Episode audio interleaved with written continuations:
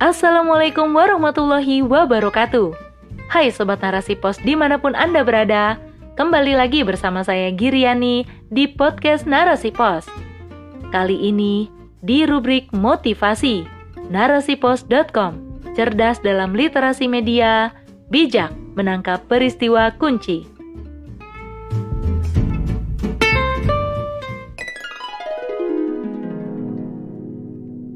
M2T2 Menjadi Muslim Tanpa Tapi oleh Iranti Mantasari, BAIR MSI. Aku ikut ke gereja bersama teman dekatku, tapi aku tetap muslim kok. Tanpa harus berpenampilan syari, aku masih bisa beribadah dengan husuk.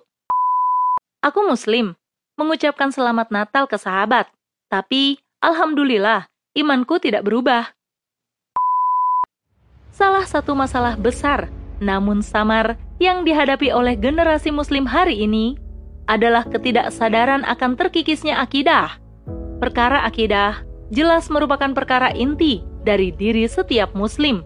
Maka, saat diri tidak menyadari bahwa akidahnya kian keropos dengan berbagai alasan, tentu ini adalah hal yang sangat membahayakan, bukan lagi mengkhawatirkan.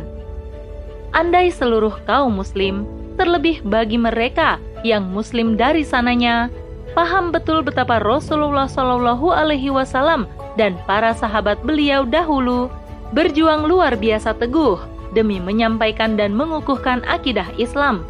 Namun tak dimungkiri, jauhnya jarak hidup kita dengan hidup ideal seorang Muslim seperti di masa Rasulullah Shallallahu Alaihi Wasallam juga memberikan andil terhadap jauhnya kita dari pemahaman-pemahaman seperti itu. Tiga pernyataan di atas merupakan beberapa contoh kalimat yang sering terlontar dari lisan generasi Muslim hari ini. Tidak sedikit yang dengan bangganya mempertontonkan kekeliruan yang dikerjakan. Di waktu yang sama, juga bergurau bahwa meski begitu, ia masih mengakui bahwa Islam adalah agamanya. Sikap seperti ini tidak boleh dibiarkan terus, hinggap dalam diri seorang Muslim, karena pada hakikatnya kuatnya keislaman seseorang bisa menjauhkannya dari berbagai maksiat.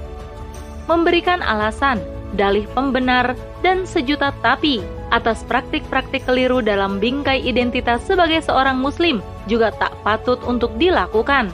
Landasannya jelas, Rasulullah Shallallahu Alaihi Wasallam dan para pendahulu umat tak pernah mencontohkan sikap yang demikian beliau-beliau tak pernah mengatakan, meminum homar itu memang haram, tapi kalau sekedar mencicip dan tidak sampai memabukan, sepertinya tidak masalah. Atau, syariat jelas melarang menjadikan orang kafir sebagai pemimpin atas kaum muslimin. Tapi jika pemimpin tersebut bisa membawa keadilan dan kesejahteraan, tentu tidak mengapa. Andai beliau-beliau melakukannya dahulu, entah seperti apa kemaksiatan yang terjadi hari ini, karena tanpa contoh dari beliau pun, generasi Muslim di akhir zaman ini sudah inisiatif untuk melakukan hal tersebut. Patutlah kita mencontoh sikap dari para sahabat Rasulullah Shallallahu Alaihi Wasallam yang begitu bergegas melakukan perintah dari baginda Nabi tanpa mendebat, tanpa tapi, tanpa berdalih, just do it.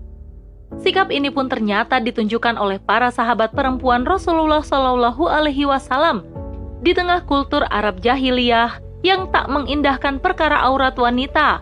Perintah hijab turun untuk mengubah kondisi tersebut 180 derajat. Mereka bahkan tak segan untuk menarik gorden dan kain apa pun yang bisa mereka raih demi menutup aurat mereka saat mendapati perintah tersebut telah diwajibkan atas mereka. Masya Allah, ketaatan tanpa tapi tersebut tidak lahir dari proses semalam atau dua malam saja, melainkan dari proses pembinaan akidah yang dilakukan oleh Rasulullah dalam kurun waktu tahunan.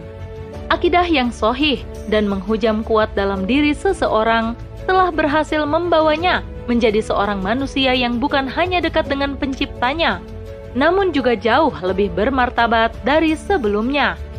Ditambah lagi, Rasulullah Shallallahu Alaihi Wasallam membekali para sahabat dan umat beliau dengan pendidikan malu. Sebagaimana hadis yang beliau sabdakan, jika engkau tidak malu, berbuatlah sesukamu. Hadis riwayat Bukhari. Imam An-Nawawi memberikan syarah atas hadis ini dengan mendefinisikan malu sebagai akhlak yang membangkitkan sikap untuk menjauhi hal buruk dan mencegah berbuat mengurangi hak Allah dan hamba Allah. Yang kalau diambil ibrohnya, setiap perbuatan buruk yang dilakukan seorang muslim, itu berarti rasa malunya telah hilang dari dirinya apalagi di zaman ini yang berbagai propaganda dan agenda-agenda untuk menjauhkan Muslim dari agamanya semakin deras. Tak sedikit malah yang secara tidak langsung bangga memberikan predikat pada dirinya sebagai Muslim tapi feminis, Muslim tapi sekuleris, hingga Muslim tapi liberalis. Sekali lagi, menjadi Muslim tak seharusnya membuat kita lekat dengan hal-hal yang malah bertentangan dengan Islam itu sendiri. Muslim adalah Muslim, sekuler adalah sekuler. Tidak bisa dan tidak mungkin seorang Muslim menjadi sekuler di waktu yang bersamaan.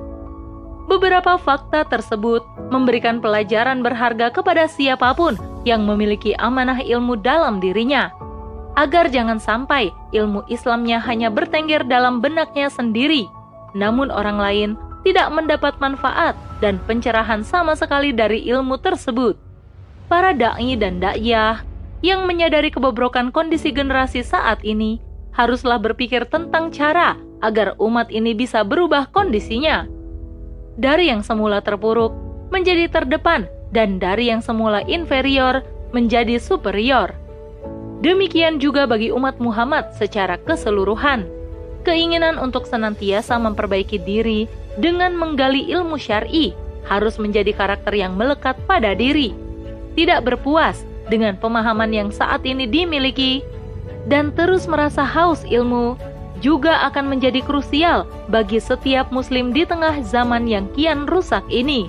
Oleh karena itu, pelurusan akidah, pembinaan sakofah, dan pemantapan akhlak yang terus dijadikan agenda utama para dai dan daiyah yang disambut dengan antusiasme dan semangat dari umat secara umum untuk meningkatkan kualitas keislaman diri atas izin Allah Subhanahu wa taala mampu menjadi wasilah bangkitnya umat dan agama ini. Insya Allah, biiznillah. Wallahu a'lam bisawab.